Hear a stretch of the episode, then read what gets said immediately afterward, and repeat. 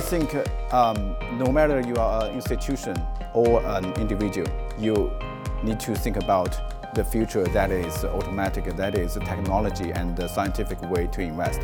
For example, AQUMON both have institutional clients, onshore and offshore. We have individual clients in Hong Kong, especially those indi uh, individual clients, right?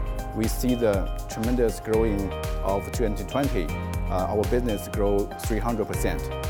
And also those banks, insurance companies, they come to us to let them help them to upgrade their digital wealth management platform. And I think in the future, RoboAdvisor will be just like uh, deposits, loans, and it's going to be the very basic service for the banks that they want to provide those wealth management platforms.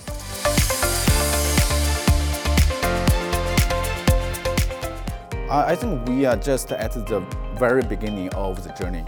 Uh, for example, the penetration rate of RoboAdvisor, which is using algorithm to manage people's money, is only like less than 1% in the very huge market. For example, in Hong Kong, we are talking about a 2 trillion US dollar wealth management industry, but a very, very little money is managed by the machine. I think in the future, it's going to be a very, very common and uh, uh, welcome way to manage your money by the machines because it's transparent it's low cost, it has very low threshold, and also give you very long-term uh, uh, stable returns. Both sides of the investors, like both onshore and offshore investors, they want to diversify their portfolios. For example, we do business both in Hong Kong and in mainland China, especially in uh, GBA area. Uh, we have Hong Kong-based uh, global location but uh, which is mainly in uh, like US uh, ETFs and Hong Kong ETFs. In China, we have China asset allocation, which is mainly use those mutual funds in, in China.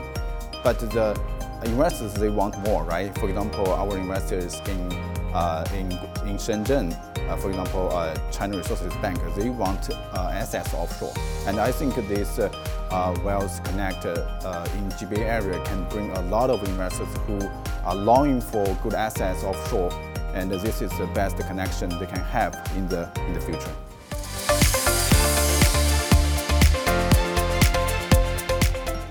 I think uh, AFF is a very, very uh, uh, famous and uh, have a lot of impact in the industry.